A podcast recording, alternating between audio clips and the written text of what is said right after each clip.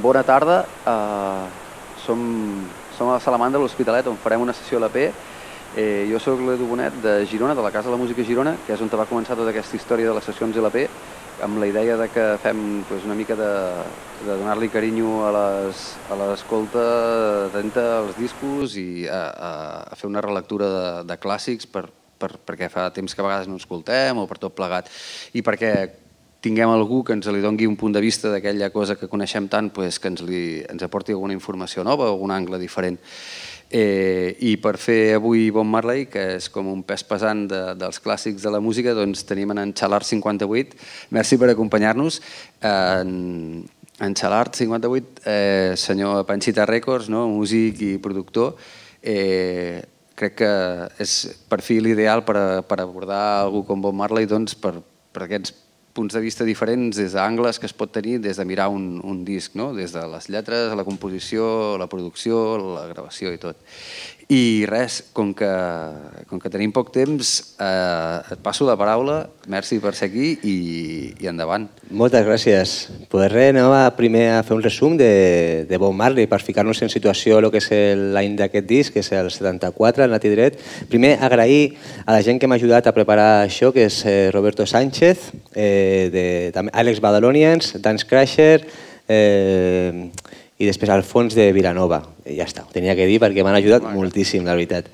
Ràpidament, un resum molt ràpid de Bob Marley. Bob Marley va néixer en un poble molt petit de Jamaica, era un mestizo, el seu pare era blanc, la seva mare era negra. El pare de, del Marley era un home de 60 anys, vale? que es cuidava de les terres, estava ben situat, tenia bona feina.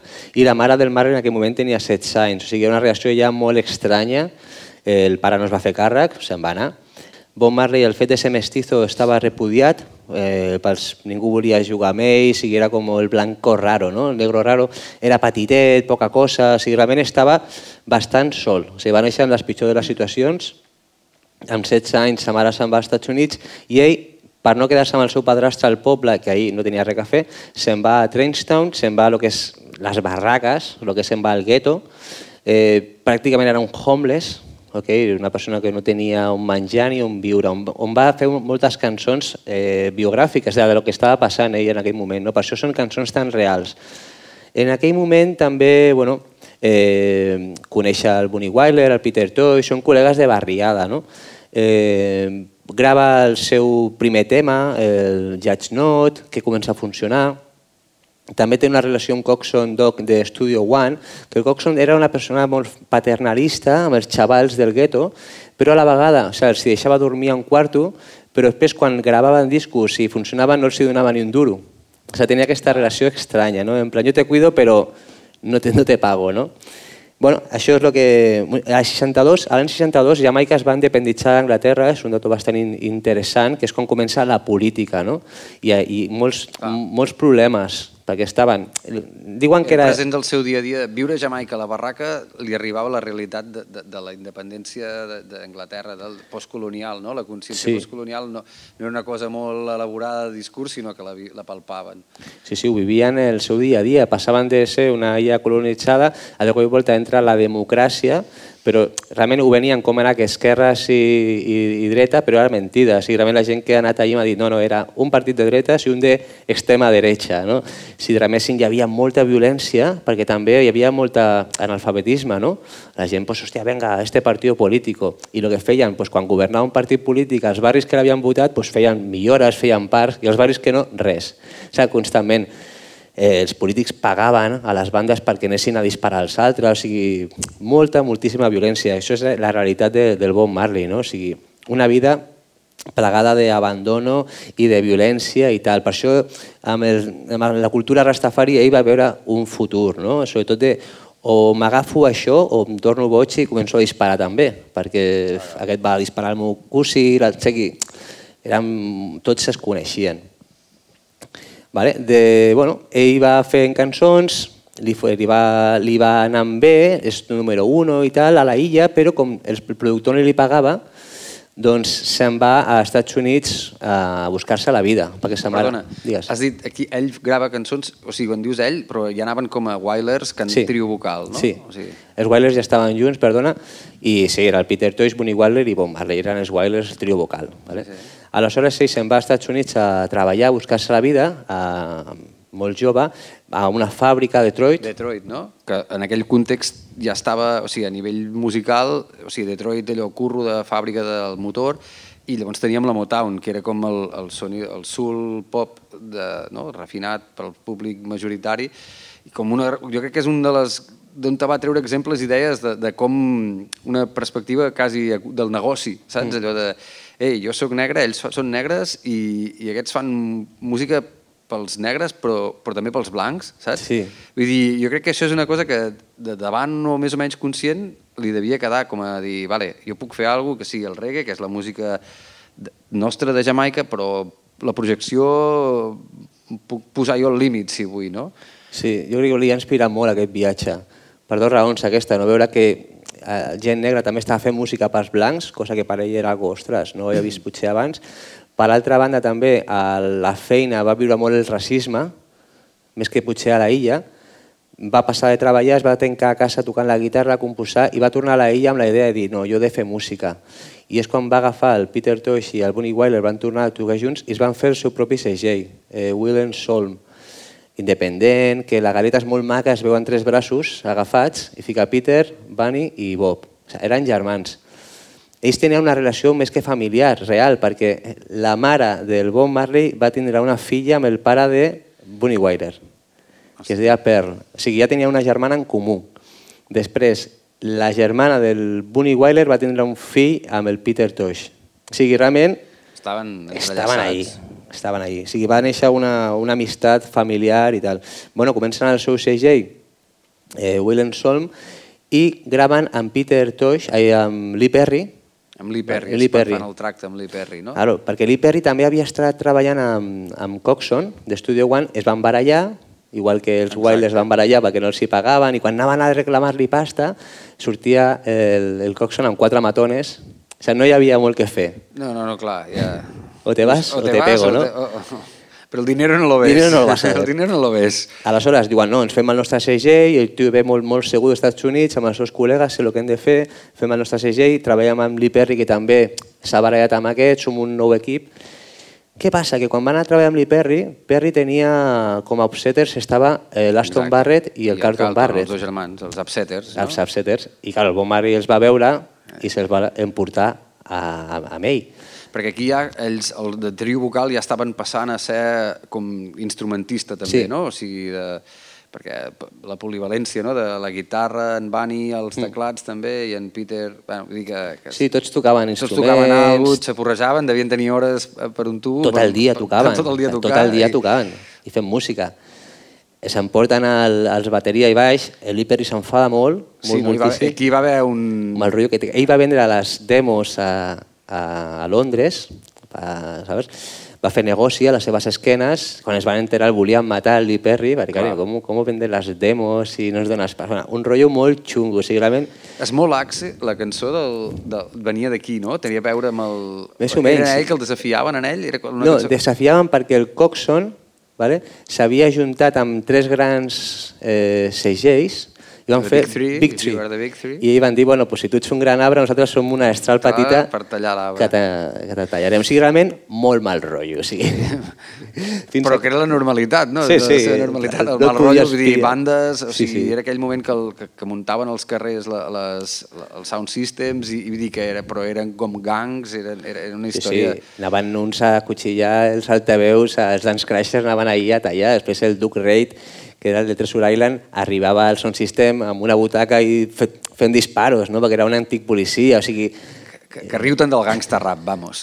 o sigui jo me, ens hem d'imaginar aquella situació, o sigui, realment era una situació molt, molt, molta violència, molt mal rotllo, Sí, sí, sí. sí. Per això també s'abraça no? a la vida espiritual i un moment ho explica, no? o sigui, era la salvació en aquell Bueno, moment. I que més, quan t'agafes això, com molts cops passa, deu ser perquè deuen trobar una estructura ordenada d'algú coherent i, sí. i, i, Sí. no sé, és, és, és la part de fer veure comprensible, no? Totalment. El Blackwell s'entera d'aquesta banda, li fa gràcia, el vol conèixer... Blackwell, per posar-lo en situació, Perdó, sí. Chris Blackwell és el, el, el, el president no? el, Sí. el, d'Island Records, que és un segell anglès, però que té ja diverses històries, ja, més que fer grups anglesos de la onda del moment com Tràfic, o, bueno, que llavors seguirà, eh, i eh, treu, a, jo què sé, arriba a treure, per exemple, PJ Harvey als 90, no? però, però que en aquell moment jo crec, em sona que ja treia alguna cosa més... Sí, de Jamaica, treia reggae i s'està... tenia una casa a Jamaica, a Uptown, però bueno, tio li agradava molt la, la cultura jamaicana i estava... tenia pasta també, però li agradava. I es va fixar en aquesta gent, no? I els volia conèixer. I li deien... Perquè eren molt macarres. Realment els Wailers en aquella època anaven de tios duros. La foto del primer disc del Catch a Fire, d'allà a les escales, aquella és Sí, sí. realment tres tios que dius, merda, no te'ls voldries trobar allà. Bueno, pel carrer te fas a l'altra vorera, o sigui, realment Sí, ho tens sí, sí. claríssim. I li deien, aquests tios són molt durs i no tal... Bueno, els va, els va conèixer i ell sabia que se'ls tenia que guanyar. Aleshores els hi va dir que els hi va donar 4.000 pounds perquè fessin el catch a falla. Tothom li deia, no veuràs ni el disc ni els diners. Clar. 4.000 pounds, si no m'equivoco, vaig... ara mateix són 4.500 euros i que a l'època era un dineral. Pastizal. Era un pastizal, I els va dir 70. perquè el gravessin, perquè tornessin i el gravessin o perquè el gravessin a Anglaterra? Perquè gravessin a Jamaica. Ah, vale. Havien quedat, et doc, et doc un dineral i tu em dones un disc. Adeu. Va ser el seu primer gest de dir confio en vosaltres. No? Se'm- Ho van gravar a Dynamics Studios a, a Jamaica i van tornar amb el disc. El Marley va ser el que va agafar el màster la i cinta. i va tornar a Anglaterra. Va tornar a Anglaterra i li va presentar. Ahir van dir, vale, puta mare, no? Vale, ja, eh, bueno, un dato és que Tuf Gong, que se li coneix molt, és el seu apodo del Marley, que és piedra volcànica. Vale? O sea, como... Molt bé, veus? Sabíem que aprendríem ja coses noves des del un tío primer. duro. ¿sabes? Y Clar, clar, clar. Chris Blackwell eh, sabia que el, que el Marley tenia ofertes de la Motown, si realment tothom el volia fitxar. Mm. I eh, el Chris Blackwell li va dir, mira, tinc una casa en la zona alta de Jamaica i te la dono, si et quedes amb mi. És a dir, el va portar al Va gueto portar el gueto a, a la zona alta. el moment que el Peter i el Barney eh, deixen la banda, el Marley es sent abandonat i ferit un altre cop. A part de... Saps, tenia el seu pare, sa mare també se'n va, però tenia la seva família, els Wailers. I volta es queda sol un altre cop, Clar. no? Eh, va ser molt dolorós. De fet, no va tornar a tindre pràcticament relació amb ells en tota la vida, eh, quan es va morir tampoc, eh, molt trist, no?, realment. Hem de dir que el Peter Tosh el van matar el 87, eh, el van disparar. Sí. O sigui, el nivell de violència a Jamaica, imagina, Peter Tosh, conegut, pues, potser per 10 euros, saps? Realment és Ja, ja, ja, ja. una cosa molt trista. Bueno, Nati Dread va arribar al, al 44 a la llista de Black Album, o sigui, el 500... Eh, o sigui, el 2003 l'àlbum va ser classificat al 181 de la llista dels 500 millors discos de, de la història per Rolling Stone. O sigui, era un disc que, que la va petar molt fort. Anem a parlar de l'estudi, ¿vale? de l'estudi On es va gravar el Sí. Nati Dre. Eh, això es va gravar a Harry G Studio, eh, que era un estudi bastant potent a l'època. O sigui, realment, això és una taula, una Helios, que és la hòstia. És una Helios. Sí. Vaja. I bueno, té uns previs a transistors de la hòstia, una EQ supermaca, o sigui, això val un dineral, eh? Avui en dia... En el seu moment ja valia un Sí, dineral. sí, en el seu moment. O sigui, avui en dia eh, potser val 50.000, 60.000 euros, una borrada, o sigui, són taules, un Ferrari, no? O sigui, estem parlant que estaven treballant en les millors de les condicions, o sigui, no anaven a qualsevol lloc a gravar en aquell moment, o sigui, estaven mm. top a top.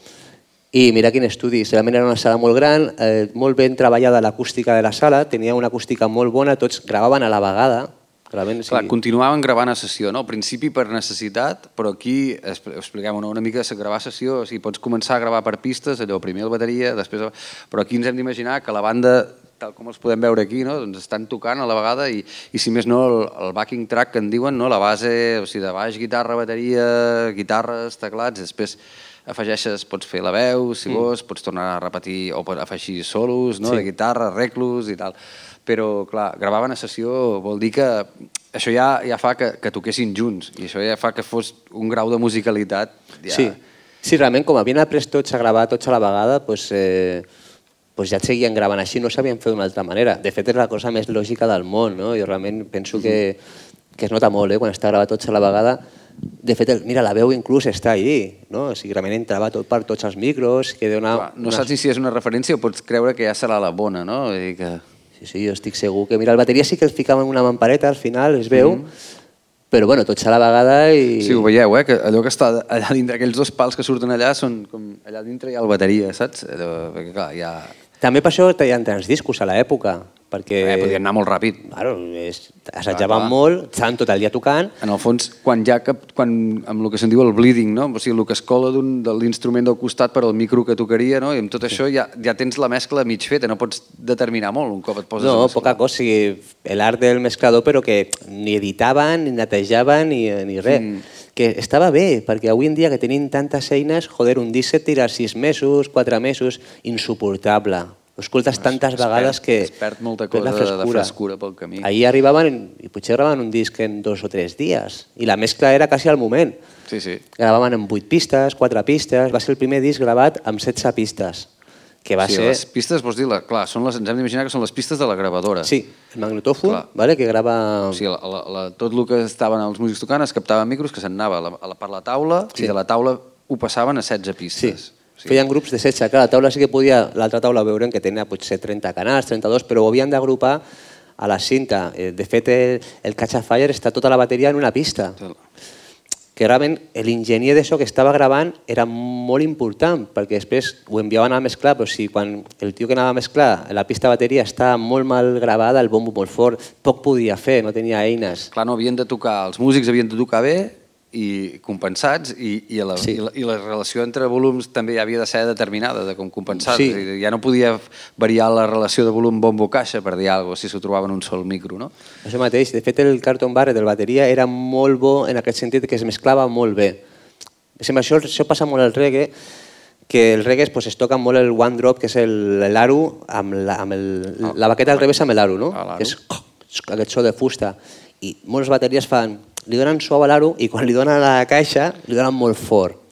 Però, clar, el tècnica de comprimir molt és un rotllo. Però en aquella època o tocaves bé o t'anaves al carrer. Clar, clar. Hi hauria un altre a la porta on hi havia tres esperant allà per, per poder... No, la gent anava als estudis a, a esperar, a passar el dia i, i a la que s'anava un... A veure si rasco. Tu, Vinga. Anem a començar a escoltar el disc, no? Esta es la primera versión del Lively of Yourself, del 71 grabado en cuatro pistas. Grande estudio.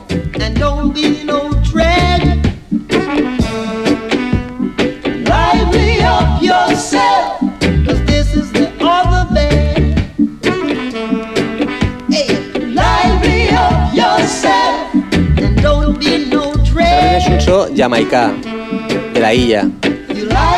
I ara escoltarem la versió del Nati Direct per veure com aquesta versió, dos anys després, l'americanitzen. És una...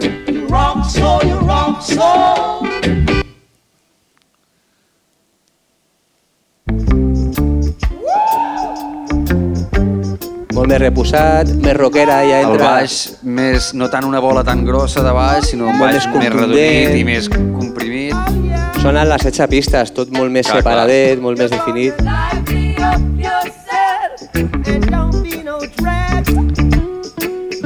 Jo crec que aquest, aquest tema és una miqueta la presentació de la nova banda. Aquí ja no està Peter Toys, no està Bonnie Wyler i estan les Side Threes. Clar, és presentació de nuevo sonido... Nuevo sonido. De fet, les, los coros estan molt tímids de les Side Threes i van encreixendo. Cada vegada escolten més. El so més rockero, baix, guitarra fent el mateix riff, l'òrgan també. El baix és una meravella, tu que ets baixista, no? Sí, sí, sí. Aquests mutes que fa, aquestes entrades, hòstia.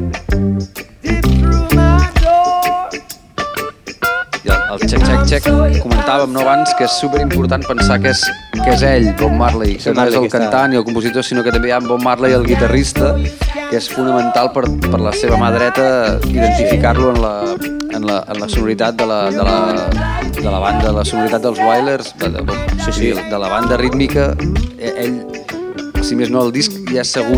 I aquest check-check és allà. És ell, era el, la batuta, no? el que portava de fet en el reggae actual pues, la bateria pica molta més pedra, el baix és molt més loop, no, potser, i el bateria el baix estan tota l'estona jugant, parant, i és ell que, que porta el ritme. Molt rumbero en aquest sentit, no? El que és... Sí, ens hem d'imaginar com una relació de- d'instruments que juguen, uns van a terra, per allò que aquí estem, i uns altres que es dediquen a, a desequilibrar, no? Sí. I el, el baix és el que, no en aquest cas perquè van molt junts, no? baix i guitarra, però sí que tenim com el, el teclista i el baix que, que, que juguen a fer contres i a descompensar i, i, i és el que fa que no, que no diguis vaya muerto, no? estem aquí picant, sinó Sí. que és, estem, i a més hi ha el swing, no? que ve del Charles i tot. Sí, és que el, so, el fet que mani la guitarra tan seca, eh, eh, realment el, el reggae moltes vegades el fa el piano, que el, rock, el rocksteady, l'esca anava al piano.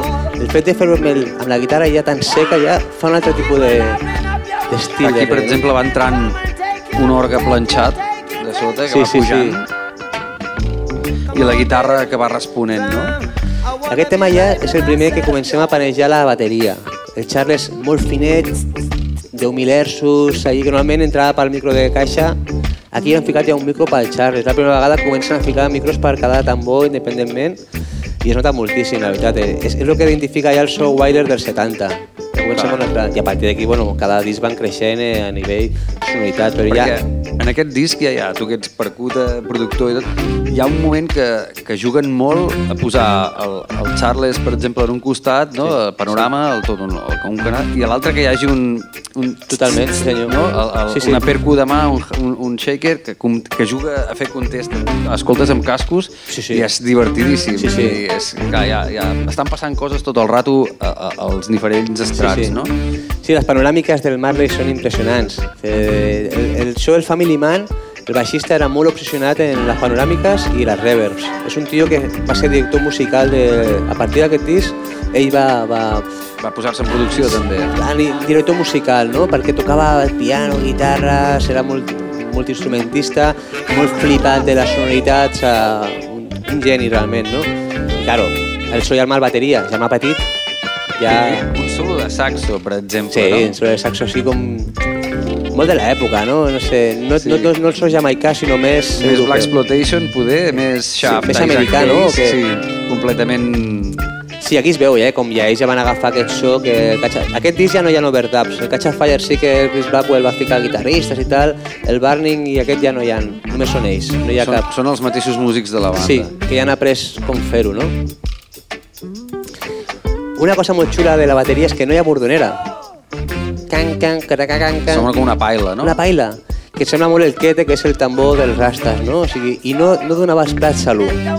No fa... No, no hi ha plats, No hi ha plat. només hi ha el hi-hat. Caca, Ah, tucutucac, x, x. i a l'1. O sigui, a mi m'apassiona això de sense plat. Hi ha algun plat por ahí, però molt random, no? En el 3 i mig, com un arreglo. I la guitarra que no para. Eh? Això mateix està Al Anderson, que és el guitarrista que va Al Anderson, aquí ja l'ha fincat. Aquí va entrar Al Anderson, que era afroamericà, de New Jersey, bueno, després parlarem una miqueta d'ell. El, el Marley deia, jo quiero guitarras como el Clapton, guitarras de blues, guitarras de, de, de rock. O sigui, buscava un guitarrista així, no? Ho tenia claríssim. Vale, és el primer tema ja que apareix en la Side 3, ho hem parlat. Aquí, el Lively Observes no, fa, és un tema que ells repesquen, no? i això és una cosa que serà una dinàmica habitual inclús en els discos fi, menys el- menys l'Uprising, menys els dos últims, hi ha una cosa de Bob Marley que és que dir, hosti, tot el curro que ens van marcar de joves l'hem d'anar amortitzant d'alguna manera. I quan fa quatre temes nous per acabar el disco, si cal, repesca do, dos temes de, de la xistera de, de quan estaven amb els Wailers, no? I, Sí, sí. i, i això és una cosa que, que passarà fins al, fins al Caia, saps? I iran tirant de... Pues, vale, pues aquella, que, que, aquella era bona, pues, repesquem-la, l'arrangem una altra vegada, la toquem ara i, i la gravem de nou.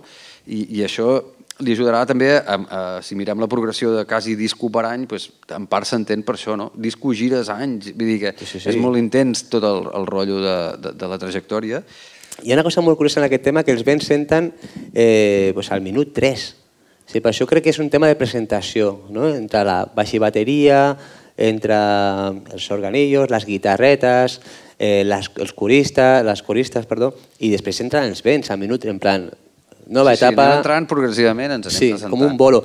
De fet, el, el, hi ha com una reverb al principi, que em sembla un directe. Uh, Ah, sí, uaia! sí, El primer crit sí, d'entrada. amb una reverb que dic, hòstia, això és un live? No, és estudi, no? Eh.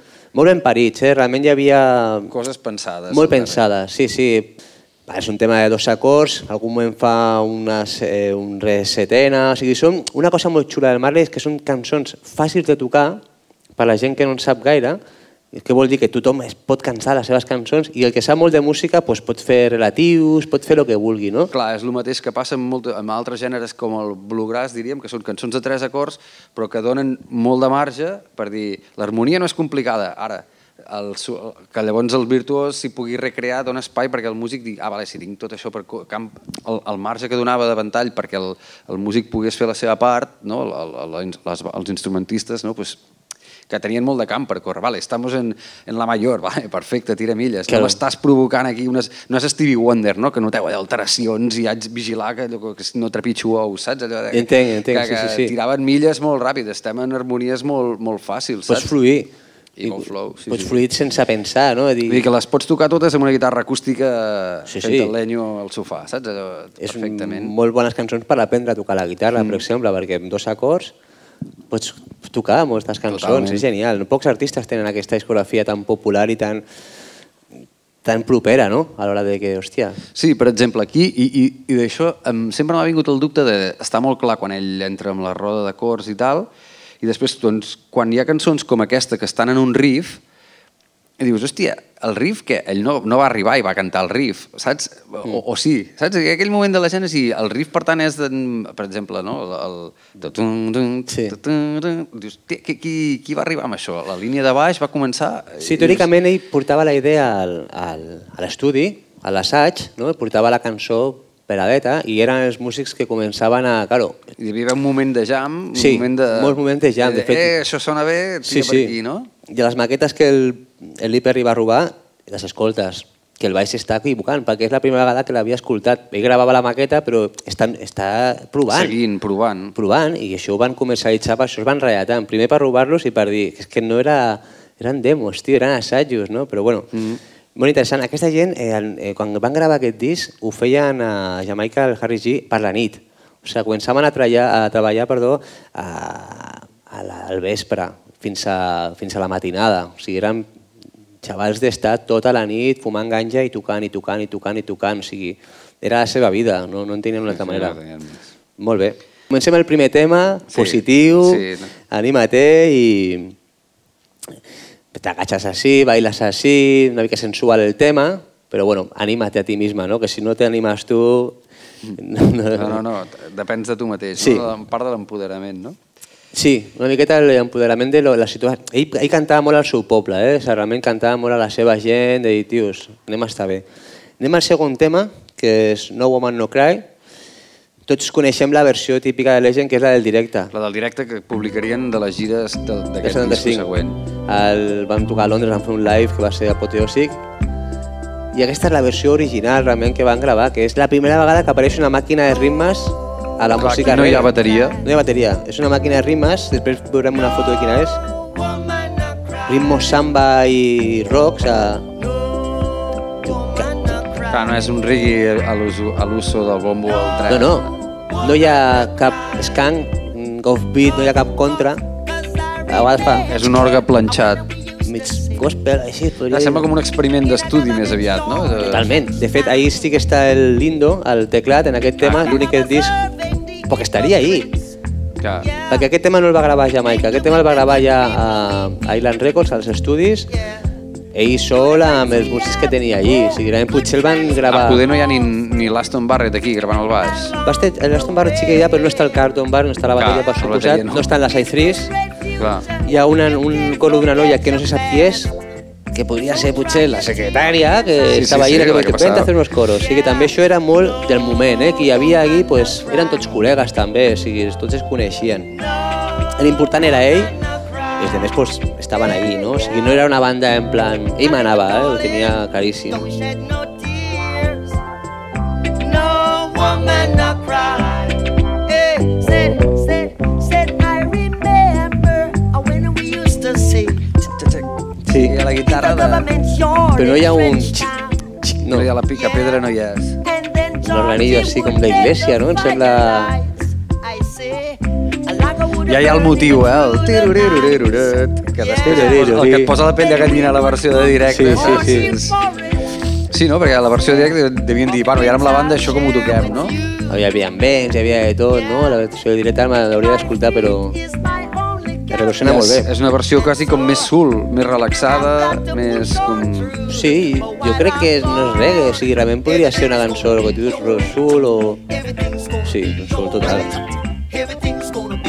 Vale, en, en la cançó aquesta, els drets, l'autoria i royalties li va donar el seu amic Vincent Ford.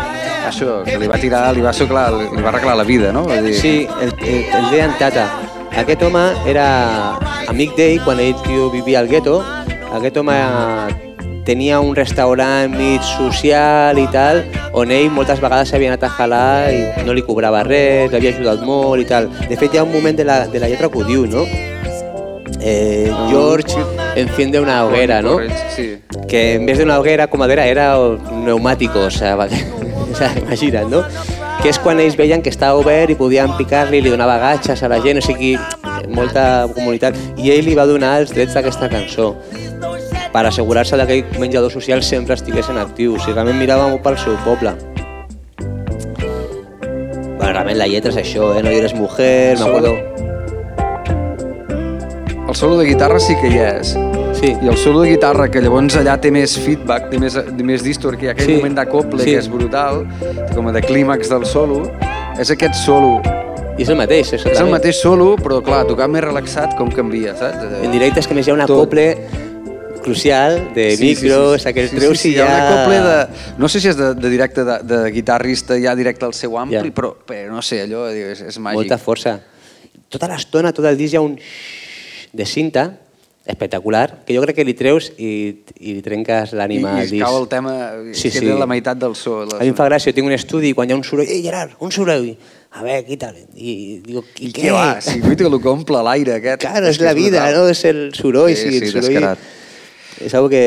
Damn Belly Full, tio. Aquesta és de les meves prefes de... Però anem a, anem a parlar abans Ah, de perdona. passar... Sí, aquesta és la màquina de ritmes.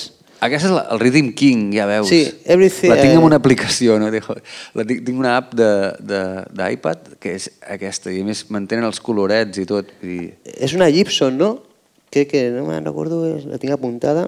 Bueno, és una màquina de rimes... eh, Ah, sí, Gibson Maestro Rhythm King, que tu deies. No? Sí, sí, sí. Que això és un trasto. Mira, mola la cadira per veure l'exemple, que és un trasto així. Uh -huh. O sigui, això s'ho van portar quan van anar la primera vegada als Estats Units, l'Aston Bar, bueno, i anaven a l'aeroport amb la... De, devien flipar. Supermodernos, van arribar a Devien la flipar amb illa... això, és, això és l'última tecnologia del moment. Vull dir, Sí, clar, sí, era lo, lo máximo de lo máximo. I píllate un par i te les traes a la isla, però descarat. Mola el retrato del fondo, saps? Que es veu allà la... Sí. Vull dir que es veu... El... Sí, sí, la referència, no?, de que era un gran I els presets d'aquí baix, no? Allò, Sant Sí, Barroc i Sant. Barroc i, i és el que hi ha. I podies amb, el, amb la rodeta directament buscar el tempo i, i vamos. O sigui, crec que és interessant, eh? realment en tots els estils, el blues, el reggae, hi ha molts puristes, però que et dones compte que ells no eren gens puristes. Ells i... no... Ells justament és... Això és superimportant, el que acabes de dir, crec. És, és aquesta... O sigui, quan... O sigui, com passen amb aquests, amb aquests tòtems de pioners de la música jo què sé, saps? pues el mateix Bob Dylan, no? també, el mateix. Ell, tothom el, el van entronitzar del folk, però ell escoltava Elvis, escoltava... Vull dir, clar, ells són els més... amb les orelles més obertes, justament, saps? Igual que de Clash, en Joe Strummer, no? que, que escoltaven de tot. I tu dius, no, no, de Clash és punk, no? I, i què va? Què va, és reggae, és de folk, és de tot. I ells, clar, estaven allò... Eso lo lleva Stevie Wonder, què és allò, saps? Allò, pues, claro. tráeme una. A la última. A sí, l'última. A la última. Vale, doncs, eh, molt bé. Anem a passar ja directament a... Ah, anem, a- anem a parlar d'Aston Barrett, que és el baixista. Aquí el tenim. Family Man. Family Man. Bueno, Family Man perquè tenia molts fills, eh? realment a- on anava de gira a tocar deixava un, una, una semilla, eh? Realment és, és molt heavy, però potser ha tingut 50 fills, una barbaritat. No, no, reconeguts, eh? no, un desastre total, vamos. Reconeguts. Vale? Eh, el seu primer grup va ser The Hippie Boys amb el seu germà, eh, eren molt jovenets, eh, també cantava Max Romeo allí, o sigui, realment un, un grup molt bo. Després ja va anar a treballar amb, Amb els Upsetters. Upsetters, amb el Lee Perry. Eh, ell sempre utilitzava un jazz bass, tu sí, ja en sí, èpoques... hi van haver variacions i al final va treure's un Yamaha que li devien regalar o alguna però ja parlem dels 80, o sigui, el fonamental Era el és jazz el jazz bass. bass, sí, sí. Deia que li, li recordava molt el contrabaix, que podia fer notes molt agudes i molt greus. Sí, No? sí, Perquè sí, també sí, el sí. màstil Si, toques permetia- més, si toques més cap al pont, les cordes estan més tenses i sona més agut. No? Tenia el... I el so d'en Jaco Pastorius baixista, poc, poc, poc, poc. i si com, com més també ens hi ha cap al màstil, ja pots fer una, Uns una bola, una bola molt... Anava amb un Ampeg, si no sí, anaven amb. Jo ara pensava, els, o sigui, que tot i això, el, el, no sé si posaven micro a l'ampli o, ja o aquí ja hi havia d'ells i ja punxaven el No. baix a, a taula, diria. Teòricament li fotien un, un, un micro dinàmic, que un, com un 441 de Sennheiser, així un bon micro, a l'ampli directament. A veure, escoltem ràpidament així. Aquest, aquest acord sí que és...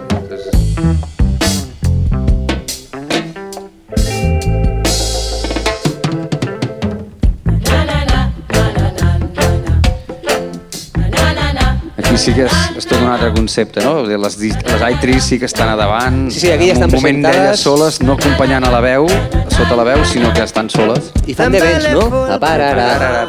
La, la funció d'aquest disc d'elles és de arreglos de vents, que tan veus. Harmonies molt tancades, primera, tercera, cinquè, cinquena, una octava, però no feien coses rares, eh? molt, molt petites, molt, molt properes.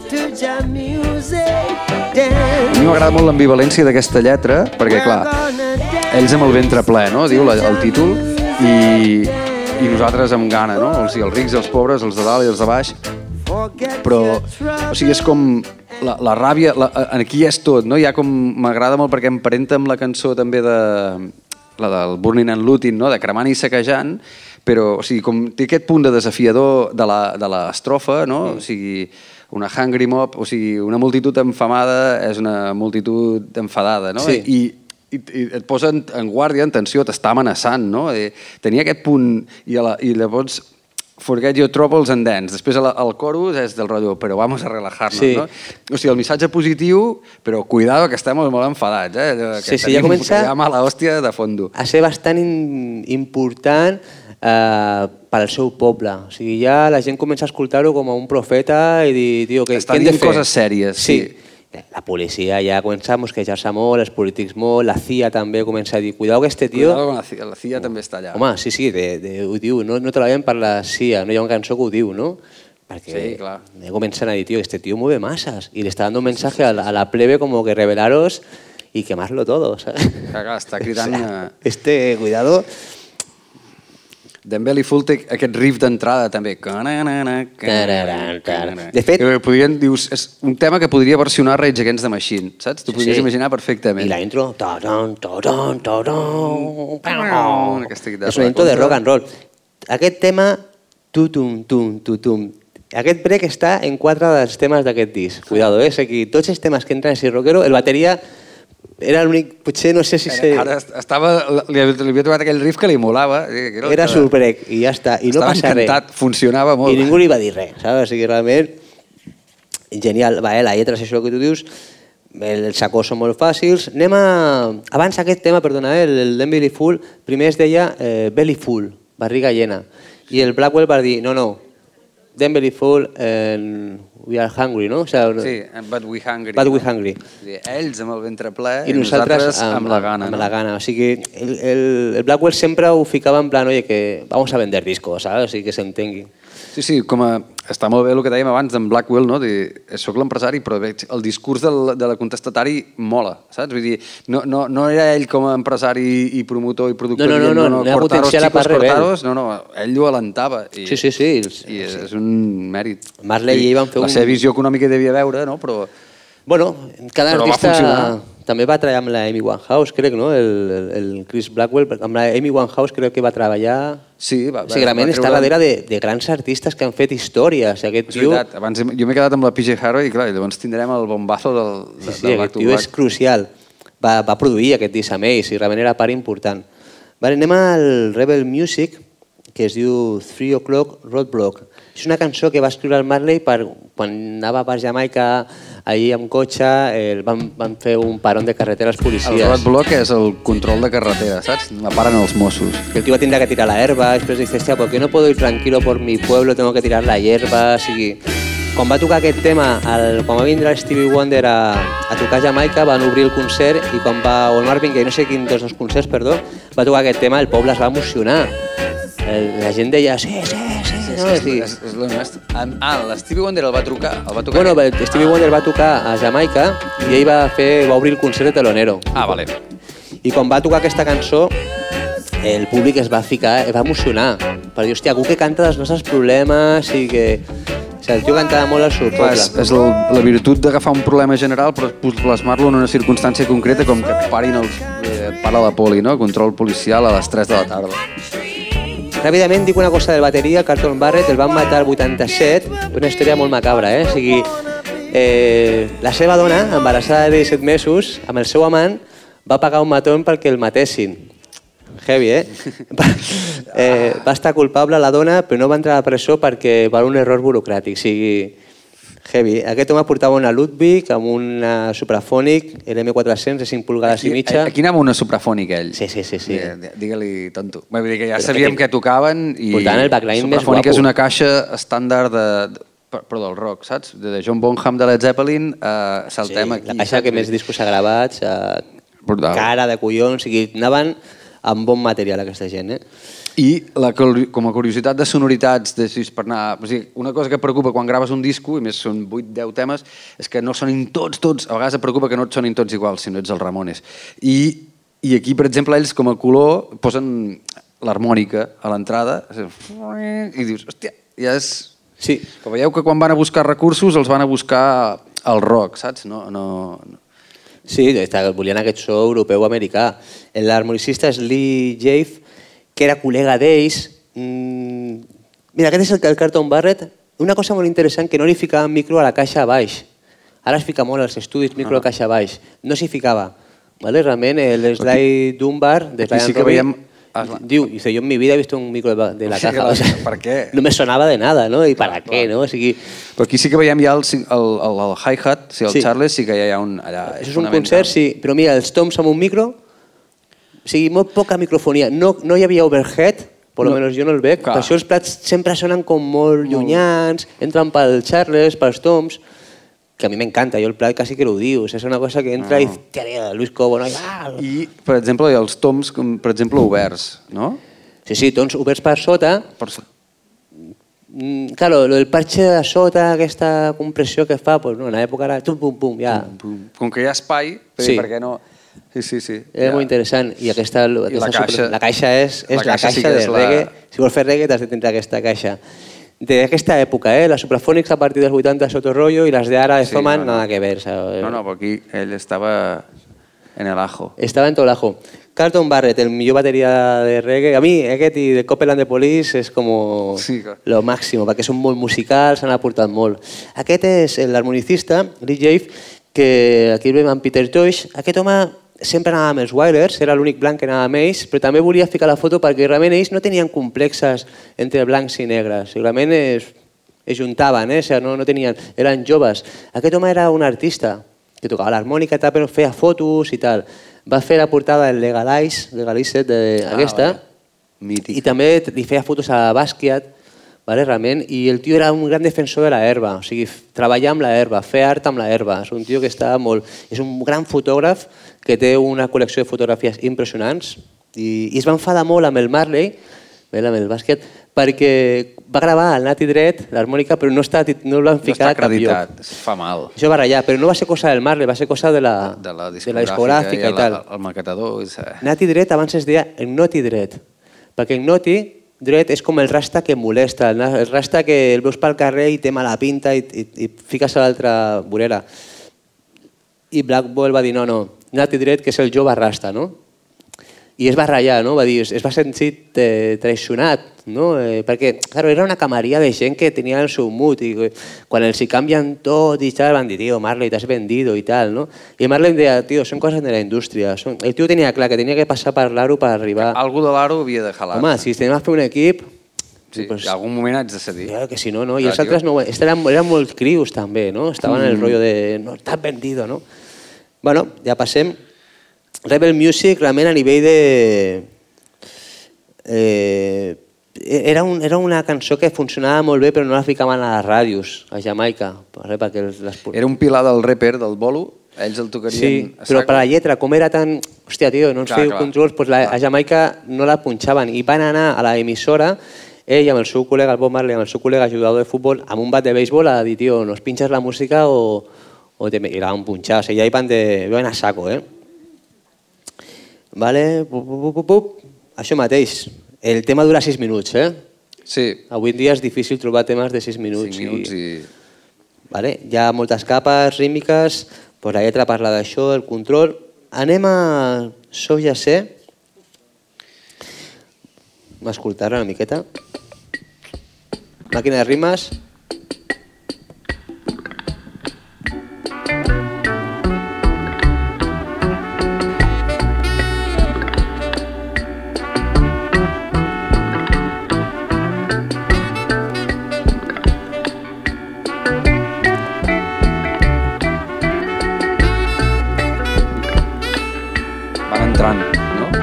Coses. Calma, no? Aquí estem tots junts, ara, ja. Sí, de moment sempre passa igual, eh? Amb la cinta, de moment es col·loquen, no? Els vents. So just say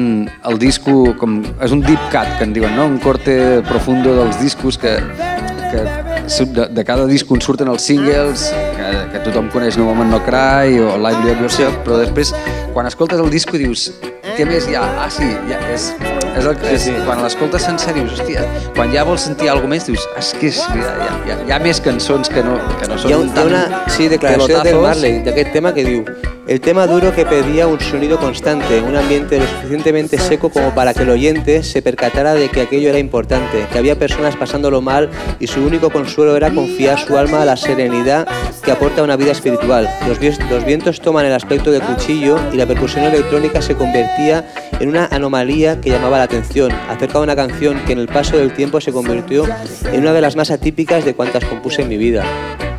Para él era como la rareza, ¿no? Sí, És una raresa, de, de, Totalment. d'estar- de, de, ja és un estàndard d'ell Però és una mateix. genialitat, tio, perquè hi ha una màquina de ritmes constant que no té ni sufre ni padece, saps? O sigui, i hi ha com una dinàmica que la creen les guitarres, la, els òrgans i tal. És molt difícil fer música electrònica així, la gent que ho sap... Clar, és, és, és mig orgànica, mig, o sigui, és agafar algun element mecànic Constant. i, i els músics que s'hi mouen endavant, entrant, sortint, per so... És una genialitat, o sigui, la gent que fa música electrònica ho I veurà. els pitos, saps? Que els, la funció que fan els... Que el no són contrast. pitos estridents allà... O sigui, estan...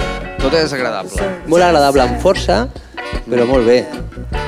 Vale? Eh, anem a parlar ràpidament de, de Al Anderson, el guitarra que va entrar en aquest disc. Sí. vale? a fer les guitarres de blues i tal.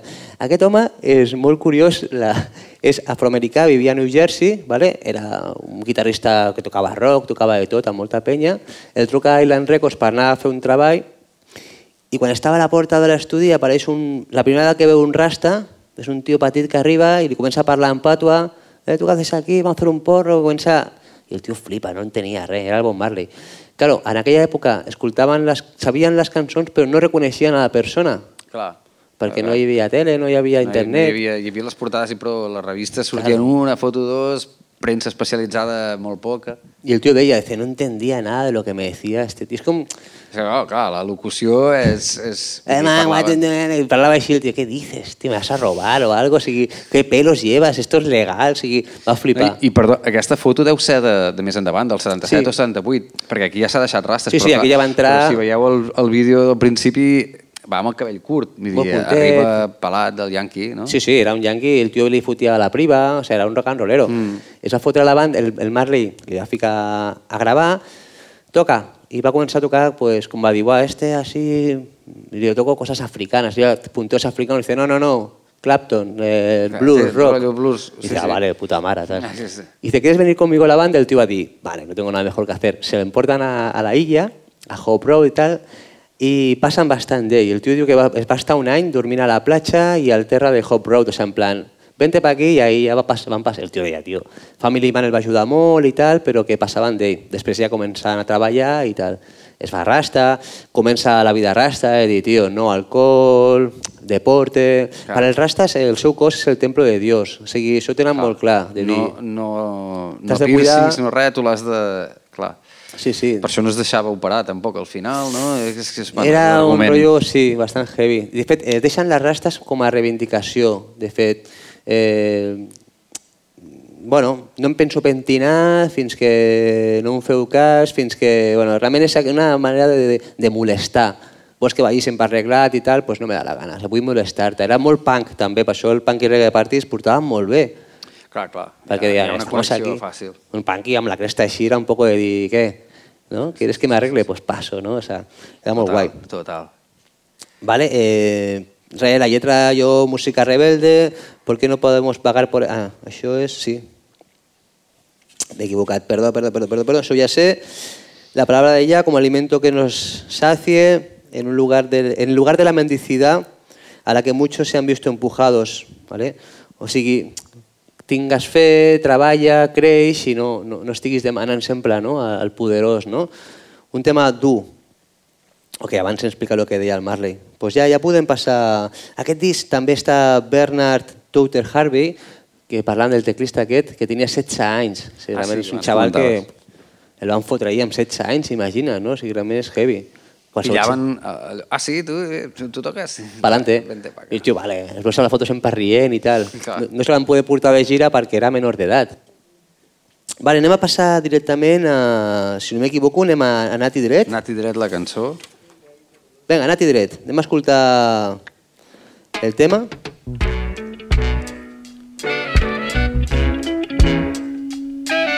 Un poco funk, ¿no? Que un rollo es que... Dread, ah. naughty, dread now.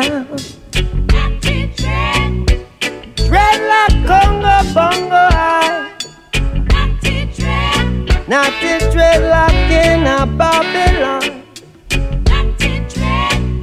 I dread like Congo bongo high. Ah. Hey, eh, children, get your culture and don't stay there. Si voleu, comenceu només a escoltar el baix. És una manera d'escoltar... La meva aproximació d'escoltar el reggae és, és per escoltar Marley. És, primer escolto... Em, entro dintre el tema, em concentro, perquè si, si segueixes la línia del baix, Una després passada. estàs, tot funciona. Sí, sí, una passada. I estava escoltant el que abans parlàvem amb ell de com funciona el baixista, que és, és, és extrem de bo, que és brutal, és, és super intuïtiu, perquè no creiem que, que hagués estudiat, justament, no? I el tio, amb la línia del baix, de cop està fent algo com dels acords fonamentals, fa pum, pum, dos notes, però després està fent, amb el baix salta a resseguir la melodia a la veu i de cop torna a estar enganxat al riff principal Sí. i dius, és que això no ho podies pensar, això ho havies de fer intuïtivament, però vaya tela, com t'hi vas anar parar allà, és, és que és boníssim. I dibuixa moltíssim, realment pica pedra relativament. Però jo crec que els temes que està, no tots, però els que està, ell pues, agafa el carisma més d'anar dibuixant, a parlant i tal. El bateria igual va. El que és el Marley que està... Sí, sí. El baix és una barbaritat. I el baix és el que fa, per exemple, ara notes curtes, ara notes llargues, és el que fa que, el que ajuda que el reggae, o sigui, en el moment sigui, que no sigui tot a terra, és el que va desequilibrant, no?, que deien. Molt guapo. Bueno, aquest tema és el primer que van gravar les Side Threes a Jamaica i tal. Una cosa que no he dit del tema abans, el dels shows ja sé que és el primer que hi ha tensions. Tan, tan, tan, ta, tan, tan, Eh, Això ja és un disminuït. Sí, sí, sí, igual que el... És la primera vegada, eh, de- Igual que el, el riff de... de crown, aquella, Sí, aquella sí. guitarra... De, és que ja Comencen a ficar ja coses Sí, de... sí, de- molt xules. Però, però està clar que ell, ells, però tot això arranjant a, a moments com el, riff, no quan canta. Vull dir, fixeu-vos que Sí, sí, sí. quan canta és el que ell ha arribat amb les seves cançons de Sol Redó o, o Real Sí, sí, Ami, coses molt senzilles. I, i, diuen, però és guai, no?, que ell els diu, té, feu, no? Sí, Jugueu aquí. obra, també l'obra per... L'obra perquè- Per dir, hòstia, sí, perquè sí, sigui sí, més sí, gran, també, i arribi més gent. O sigui, realment és... El, el fi és arribar al món. Ell tenia Mm. la missió de, de que la gent conegués el- l'amor amb el reggae. Ell pensava que el reggae era la música de la salvació de la humanitat. O sigui, el tio estava... Bueno, també No, li tenia una visió i tenia una missió. No? una missió, i la seva missió era fer bolos. De fet, quan el tio ja tenia molt de pasta, no se la podia gastar, perquè estava sempre treballant, treballant, era impossible, perquè el tio tenia la missió. Eh, Nati Dret, vale, sí, realment la bateria increïble, la guitarra... Bla, bla. Eh, anem a parlar ràpidament de L'Alvin. Alvin Seco Patterson, que és el percussionista, molt important en la història del Marley. Vale? Aquest, aquest senyor de la dreta eh, té 15 anys més que el Marley, el coneix quan està en el gueto. Realment, el Marley flipa molt amb ell perquè jugava molt bé al críquet vale? i aquestes coses. I el tio és un tio molt relaxat, que li dona molta confiança al Marley. Marley comença a envoltar-se d'amics de tota la vida, del family man, de l'altre, o sigui, gent molt, molt tímida també. O sigui, el tio va passar a dir con malotes a decir, tío, family, no, perquè no tenia família ell, família era la banda. I aquest home, eh, al 57, era, va néixer a Cuba, vale? es deia Francisco Wilde i per això el deien Sico, de Francisco, no?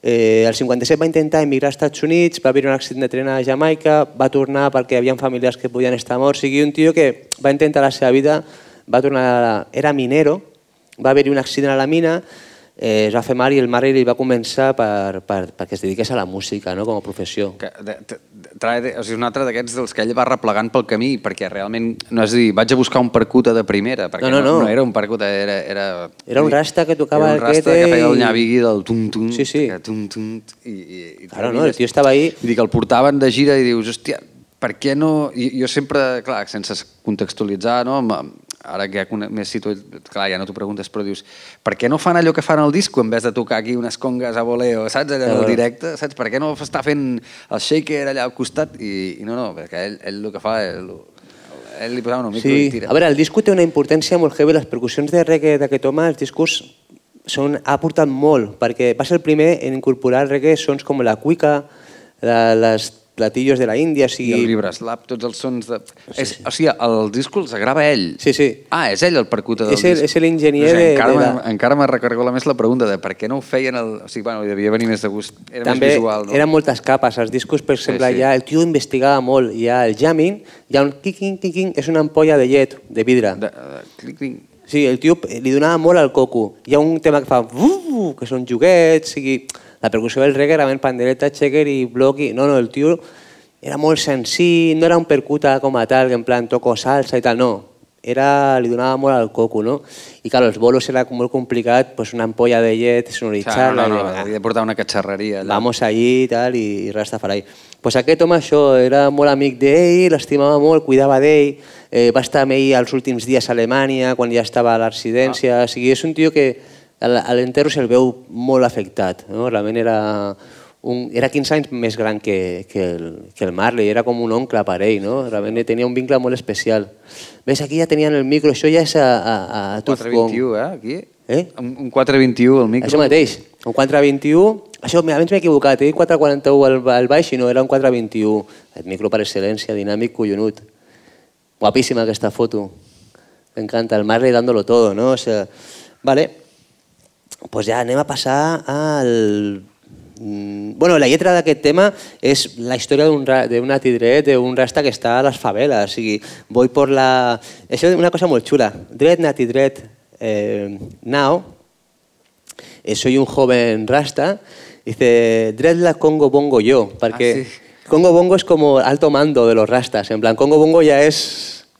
O sea, yo soy Nati Dread, era Nati Dread, pero ahora soy un Congo Bongo, ¿no? O sea, ya va a ir más, ¿no? O sea, m'agrada molt, perquè Congo Bongo és molt africà, és del dialecte que suporten a ¿no?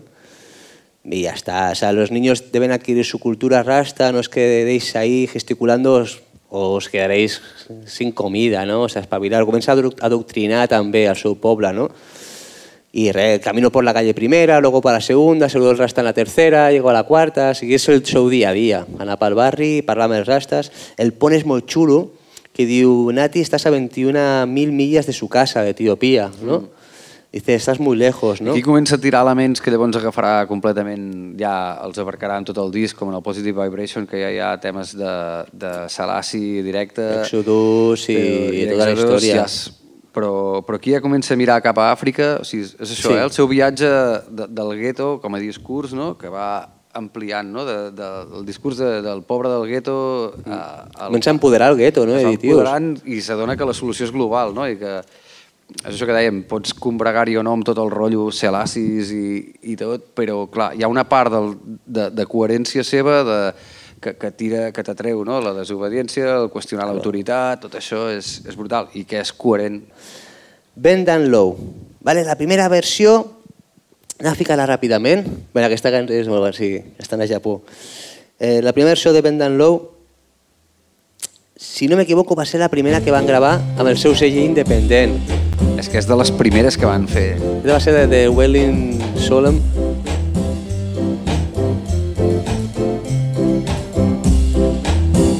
Encara es, ve com un, es veu com més rocksteady, saps? Aquí sí que... Sí. Cuc, cuc, cuc, cuc, cuc, cuc. El piano humana. Sí, el piano humana més a terra.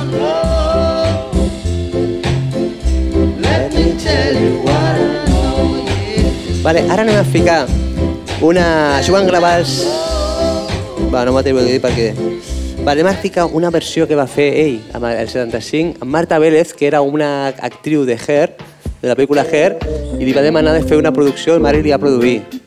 Carson Marley, Soul Weiler,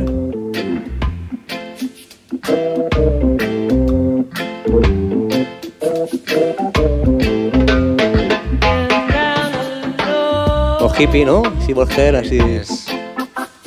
Però està... Ah. Aquest, Està tot el seu equip, està tot, això és producció Wyler. I això ho produïa el Bob, perquè quan es va anar el Peter i el, i el Bonnie, pues ell es va quedar con sus amigos, con su gente, i ell era el, el director de tot, vamos, a, controlava tot. Ara anem a escoltar la versió del disc, ja, no? per veure els tres tipus de versió que parlaven, que reversionaven... Ja veus, és la segona, no?, d'aquestes que dèiem que treu de la xistera. Bend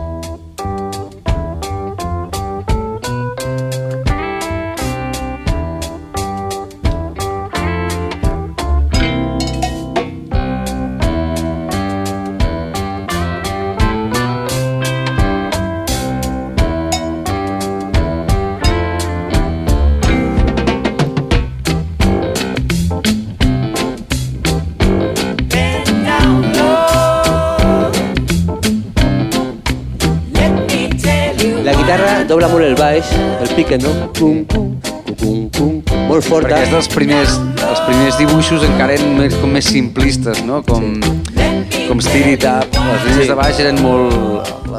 Construïa la línia de baix amb una... Però es va sofisticant el tio. clar. Sí, sí, va sofisticant i... I aquestes encara es veuen com molt, encara un, molt, molt primigeni, no? Encara Sí, aquesta guitarra la feien servir molt per doblar el baix. O sigui, estava la guitarra que anava frasejant, la que feia xaca, i la que és el piquet, que dobla el baix exactament igual. Sí, cum, cum, molt sec. És un recurs Wyler, Sí. no? Allò, palmute i la guitarra El reggae es fa molt perquè, claro, en els equips de, de radiocassets no s'escolta el baix. Clar, clar. Aleshores és com, hòstia, com ho podem fer quan escolti el baix sense ficar-li molt volum perquè no pot ser, doncs ho doblem amb la guitarra, no? Li donem l'agut, el clar. piquet, és un recurs superguapo. Que neix sobre les limitacions sonores del moment. Vull dir, pues, Esta canción es muy sensual, agáchate bien, déjame decirte lo que sé ahora, agáchate bien, pescador rema para cosechar lo que siempre ahora, o sea, es una canción de sexy, ¿no? Realmente aquest groove, Sí, però és de les més livianes, que Sí, no, està poc més de- és no és imprescindible. més no? De- pop així, realment... Una, un, dato molt curiós que al minut 3 entra una flauta, uri, uri. Això sempre passa, sempre es treuen la flauta, i crec que eren, era l'Aston. Hi ha Sí, un moment que és... pot ser que era No sé aquí, eh? però hi ha molts cops que és, que és l'Aston el, que toca més coses. El Al Anderson també tocava la flauta, també, tocava el baix, sigui, bueno, amb el que tenien anaven fent, però em em sembla molt increïble que entri al minut 3. O sigui, realment, quan està clar, pràcticament el fade-out. No, perquè passi alguna cosa, no? Llavors ja portes... No? O sigui, és... Això ho fan molt. Clar, com realment són dos acords, és molt loop, doncs van en, eh, apareix un quete, una ja vingui al minut 2, o sigui, van apareixent coses per anar sumant i per anar dinamitzant aquestes produccions de dir, hòstia, quan avorreix, doncs venga, otro elemento, no? Molt guapo, vamos. Bend and Low, anem a Tolkien, aquest no pararem de ningú... Va, Marta Vélez, vale? Tolkien Blues. Talking Blues ja és una... Aquesta sí que és, com diríem, tant a nivell conceptual com... Primera versió que van treure, Està en el directe... però aquesta és la versió que van treure amb les pistes reals de la gravació, vale? de, de, de Harry G. Vale? De la mateixa època, eh? Però això és, això és Wailers, no, encara? Sí, sí. Això és el mateix moment de Nati Dret, eh? La mateixa gravació. Ara van ficar la versió del disc com ja van ficar americanitzada. Ah, quan... O sigui, la versió publicada en el Nati Dret és l'original gravada amb els Wailers amb, amb recordings amb més adornos, diríem. Això mateix. Aquesta és la versió jamaicana que van distribuir a Jamaica i després la distribució ja europea li van ficar ja pues, La- la amb aquesta cançó disc, ja entra diferent, hi ha una guitarra com country i van ficar la, la versió del, del disc. Canviem de tema, sisplau, a la versió La- del, del disc. Exacte. Perquè crec que és una guitarra acústica. Això és una guitarra acústica, Sí, acústica. clar. És dir, vale, ja no és... És la mateixa versió sumant elements Que la fa més... Però és la mateixa, és una passada, però la deixa més suau, més elegant, harmònica. Els escancs els fan els saxos. Són sacs. Sí.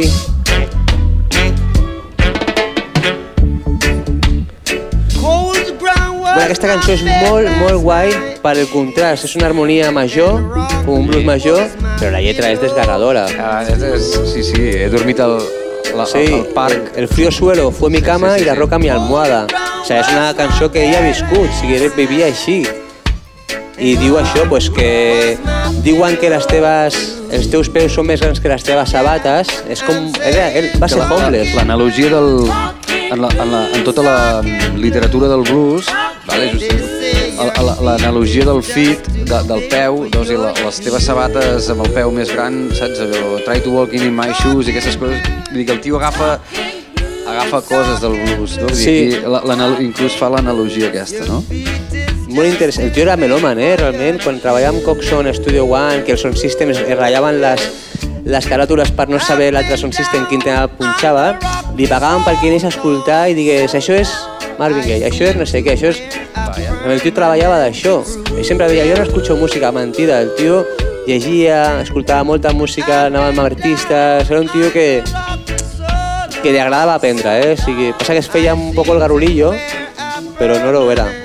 Això a mi sempre va fer... I seem to wear a permanent screw. Sempre tinc la Sembla que sensació- un, un, un cargol, no? Un, un, sí, sí, un taladro. Sempre, o sigui, un, sempre té un turment, saps, el tio? Vull dir que al llarg sempre ens va explicant que ell... O sigui, intenta que tothom sigui feliç i ell vol ser feliç, però té algo dintre que l'està corsecant de sempre, saps? O sigui, és, et transmet de, eh, jo, jo estic patint aquí per vosaltres. No sé com... Una sensació totalment. Els, fe, els seus fills ho diuen, que era molt sec. És un tio que a casa era molt sec, molt sec, tio. O sigui, no hi havia... Ell no t'havia tingut pares, en el sentit no sabia com L'educació fer-ho, no? emocional que podia rebre un xaval vull dir, en aquelles circumstàncies que hem explicat, és que imagina't. Està molt fred, el tio sí, ho pagava tot, el que tu vulguis, no us faltarà de res, però... Sí, sí, un tio molt solitari, molt sol, no? Vale, pues la lletra és totalment desgarradora, el Talking Blues, parlant de coses tristes, no? Quan diem blues, Mm, potser és parlant això, no? de les penes, no? Parlant de les penes, Sí, sí, sí, això. sí. Però amb una harmonia major. Clar, clar. Eh, No, la és- intro és molt xula perquè entra un fa sostingut menor, xenque, i ràcata, i al major, no? I s'obre tot el cel, una passada. Vale, Talking Blues, anem a parlar de la Side 3 ràpidament. La Side 3, Super Side 3. Eh, bueno, realment, la història ve que diu Rita que estava a casa seva, a Jamaica, el xofer de Marley la va trucar per anar a l'estudi, llama a tus amigues, a la Judy i a la, i a la Màrcia, Màrcia. Judy Mowat i Màrcia Griffith, Judy Mo- Mowat i Rita Marley van cantar juntes per primera vegada quan Marcia necessitava harmonia vocal en una cançó que estava gravada en l'Studio One amb Bob Andy. Aquesta mateixa nit, Marcia tenia una presentació en el club, el House of Chen, i va ser una actuació brutal que va arribar a oïdes del Bob. I a partir d'ahí vaig dir, noies, a gravar. Clar, clar. I ja està. Sí. O sigui, mm, la, la, la jugada de, de dir, vale, se van estos, com ho substitueixo, el tema de les harmonies vocals, saps? Vull dir, no me, que- me quedo sola davant, però necessito suport vocal com per posar-hi les, les I3. I saps on les, les... O sigui, ja les tenia pensades? O, o sigui... No, la seva dona era Rita Marley, Sí. que havia treballat molt amb ella, la Judy Mowat i la Marcia ja eren conegudes a Ja eren Jamaica, cantants de- havien tret eh, diversos eh, èxits i tal, a ell li van assessorar de que era interessant que fiqués a tres noies a l'escenari, que li donaria molt d'empaque i una visualització molt xula a l'escenari.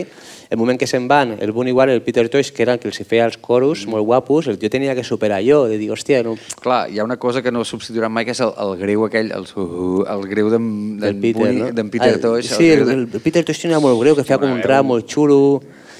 Claro, això no ho separaria, però... Bueno, però està molt guai que les, fin, fins i tot al final els hi van donar com reconeixement, no? que la, a la gira de, de l'Uprising inclús feien un set d'obertura elles, feien, Sí. cor- abans de, o sigui, el concert va anar creixent també de durada i, i, el, i el bolo, si voleu, hi ha el bolo de Dortmund dels 80, de la gira del 80 i, i, i fa els 30 primers minuts són quatre temes de la, o 25 minuts són quatre temes de les I3 amb, amb els Wailers de fondo Sí, sí. i després surt en Marley, no? Però, Sí, ell ho deia sempre, que les A3 no eren dels Wailers, o sigui, era Bob Marley, que Bob Marley sí que era dels Wailers, era un Wailer, però a nivell empresarial ho venien vendre així, era un Wailer, i les A3 eren les A3, era un grup a part que que va annexar. Tot i que la, la complexitat és, és mínima de les harmonies. Oh. Vull dir, canten les tres molt sovint a l'uníson, no estan fent allò terceres, quintes i tal, i s'estan liant, no, no. O sigui, Coses molt, molt, molt tancades, harmonies molt sí, tancades, tens una raó. harmonia molt, molt mínima, i de, però molt guai amb tipus harmonies de resposta, saps? I moltes... La producció de coros és exagerant, o sigui, realment una cançó molt Els senzilla. cantes tots, els coros. Saps? Sí, dir, sí, és- tot, No, no és la- estan allà de coixí i tal, no? Està molt ben parida, en realitat. I la coreografia,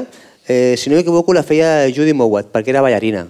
Que, que es feien en directe, Vale. era ella que deia i la vestimenta i tot, bueno, eren com, s'ho feien a part, no? Sí, perquè a més són les que t'ajuden a donar-te la connexió més en plan mama Àfrica, saps? Vull. Quan es comencen a posar les robes africanes Sí. és brutal, i encara ho veus més. Sí. També mola, no? Perquè els hi veus que, que es posen en un bolo una, i, i després s'ho desmunten una mica i una va amb la sudadera Adidas jamaicana i l'altra va amb el rotllo roba de, i és brutal. A mi, a mi personalment ho trobo genial. Aquestes figures d'aquestes tres grans cantants me- m'encanta. Vale? Doncs anem a Revolution. Revolution. Escoltem el tema. Hi ha unes veus.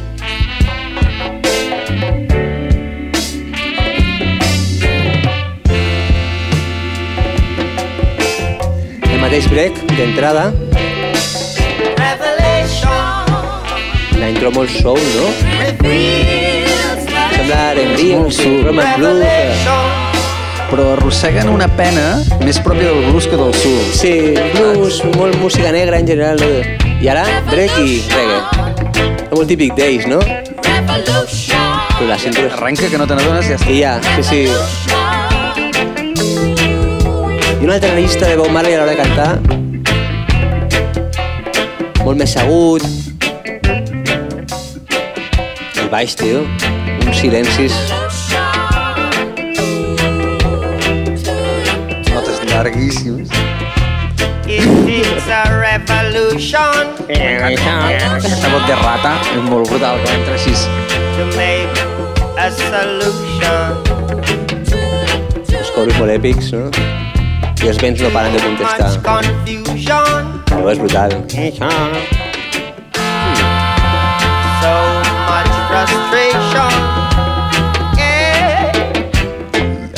Yes, és que te posen de, de in gustín the de... Sí, eh? Yeah, molt rock and rollero també, no? El... Yeah! Trust no shadows after dark. Yeah. So my És molt propi del sul, de cantant de sul, de fotre jaleos, seria l'equivalent del flamenc, saps? Els, són, els jale, són els seus jaleos, saps? Sí, no? Yeah! Brutal.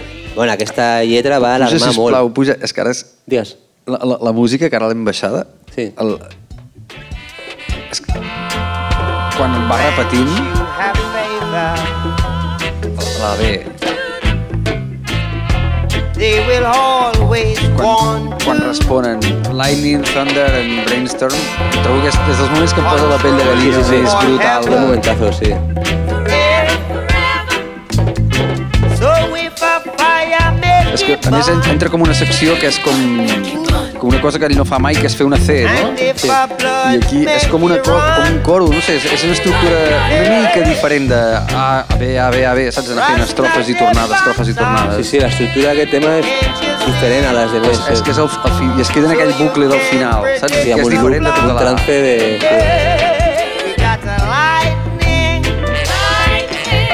thunder, I aquesta guitarra que va responent,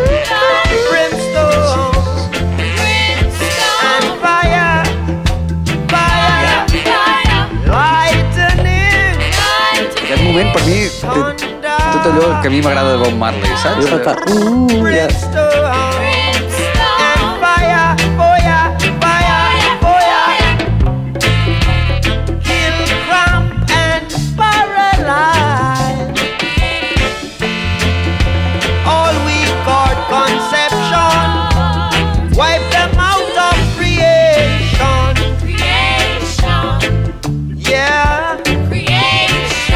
El baix molt reposat. Wa-da-da-da, wa-da-da-da, wa-da-da-da.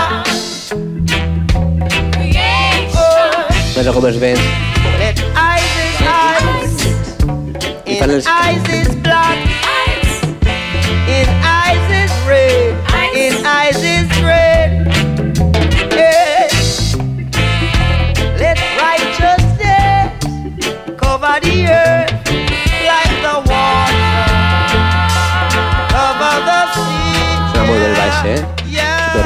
pot abraçar, o sigui, pots dormir amb ell. Jo crec que ets, o sigui, hi ha un abans i un després, no?, pels que, si ets dels que escolta reggae i tal, però hi ha un abans i un després de quan coneixes temes com aquest, dius, vale, jo sóc de Bob Marley, saps? Vull dir, Sí, si, que- si et, o sigui, dius, vale, què he estat escoltant fins ara només el puto Legend, saps? Dir, sí, sí, ahí està està, la, claríssim. se- saps? Dir, clar, aquí hi ha la, la, la xitxa, la densitat de, Sí, sí. emocional, la càrrega emocional, el discurs, i és tot, saps? És, és brutal com per tancar el disco, jo el trobo brutal aquest. A mi em sembla genial, claro, eh, bom, eh, No Woman No Cry és un tema que ja, uf, ja és, és, deixa d'estar d'agradar, no?, de lo pesat que ha sigut tothom. Eh, No Woman No Cry. Un dia estava punxant, havia una sessió de dub i em ve un tío que no tenía ni puta idea y me va y dice, oye, ponte una de Bob Marley, dice, pero no la conocida, la otra. Era así como, hostia, tío, ¿cuál era la...? Woman No Cry, será la conocida. ¿Y cuál sería la otra? Si Que hits. sa- si tens- quedar, digo, iba de entendido, ¿sabes? Digo, mare meva. La lletra d'aquest tema eh, va alarmar bastant els conservadors jamaicans que... Claro, la lletra realment és de dir, hòstia, es necessita una revolució Per trobar la solució. para trobar la solució, demasiada confusió, tanta frustració, no quiero vivir en el parque, no puedo fiarme de las sombras, o la gent que estava passant-ho Clar, malament. és el que deies, eh? No, no, no prenia partit, però que ell estava a l'esquerra de tot. Passava de tot. No li calia ni estar en un partit. No, el tío era molt, molt, molt punk i realment el Talking Blue hi ha un moment que dice me dan ganas de bombardear, de bombardear la iglesia ahora que sé que el pre- predicador miente. Hòstia, això és brutal. I a sobre, eh, què que ho fan major, en plan... Ah, un, molt, I fica un jamón de, de, de gospel, no? En plan de dir, o sea, és Però molt... és guai, és la universitat... O sigui, explica històries... O sigui, com a redactor de lletres és la virtut de d'una idea universal, saps? Vull dir, aquí... Vull dir, al meu avi també li van vendre el cel, saps? Vull dir que... I aquí també vam cremar esglésies, saps? I, Claro, claro. i dius, hòstia, aquí tothom es, es va... Saps? Vull dir que és, o sigui, el discurs o sigui, te parla dels seus problemes, però que, que tothom s'identifiqui i els explica d'una manera de, de, o sigui, que la solució és fotre-li fotre gas, no? Eh, És molt guai. Sí, sí, no, el tio eh, va donar un missatge al seu poble de dir revolució, no? I sí, sí, bueno, realment eh, va començar a ser un perill ja per les autoritats, el tenia, estaven començant a tremolar. I com no es decantava per un costat ni per l'altre, no el podien pillar Caga. i, eh, claro, o sigui, als Estats Units també veia que aquest tio... Sí, ja, ja començava a aixecar el cap. Vale, i ja, bueno, realment, el, el, a veure, ens hem saltat algú... Ah, bueno, els vents, he de dir una cosa, que no hem parlat abans, que és molt important. Eren vents lo mejor de Jamaica, eh, realment, però aquests tots venien, igual que Rico Rodríguez, de la Alpha Boy School, que era un orfanat, Sí? Sí, i ahir els ensenyaven, era de monges, i els ensenyaven a tocar els vents. Encara existeix aquesta escola a Jamaica i ara ja no és un orfenat, però és més social, tota la gent que no té recursos econòmics pues va allí, i és molt important, realment, hòstia, o sigui, han sortit estrelles, mira, i anaven també marxa militar, i, bueno, superinteressant. Gràcies, eh, per la rapidesa de les imatges, gràcies a l'equip que està allí a tope. I realment ahir acaba el disc. Després van fotre l'últim tema, el, el Amadou, però bueno, ho van Però ficar el 2001. Això és, això és una reedició, Sí. no? A la versió original no, no, No va estava. sortir. Doncs, bueno, doncs molt bé, que, que ja, ja hem arribat al final. Uh, Ha sigut un Ha plaer. estat un plaer, i igualment. Eh, em penso que ens anem a casa amb moltes coses eh, per anar rumiant amb el tema i segur que quan el tornem a escoltar ja no, no l'escoltarem igual. Sempre, sí, també. Moltes gràcies per acompanyar-nos, els que sou aquí, i fins a la propera. Gràcies.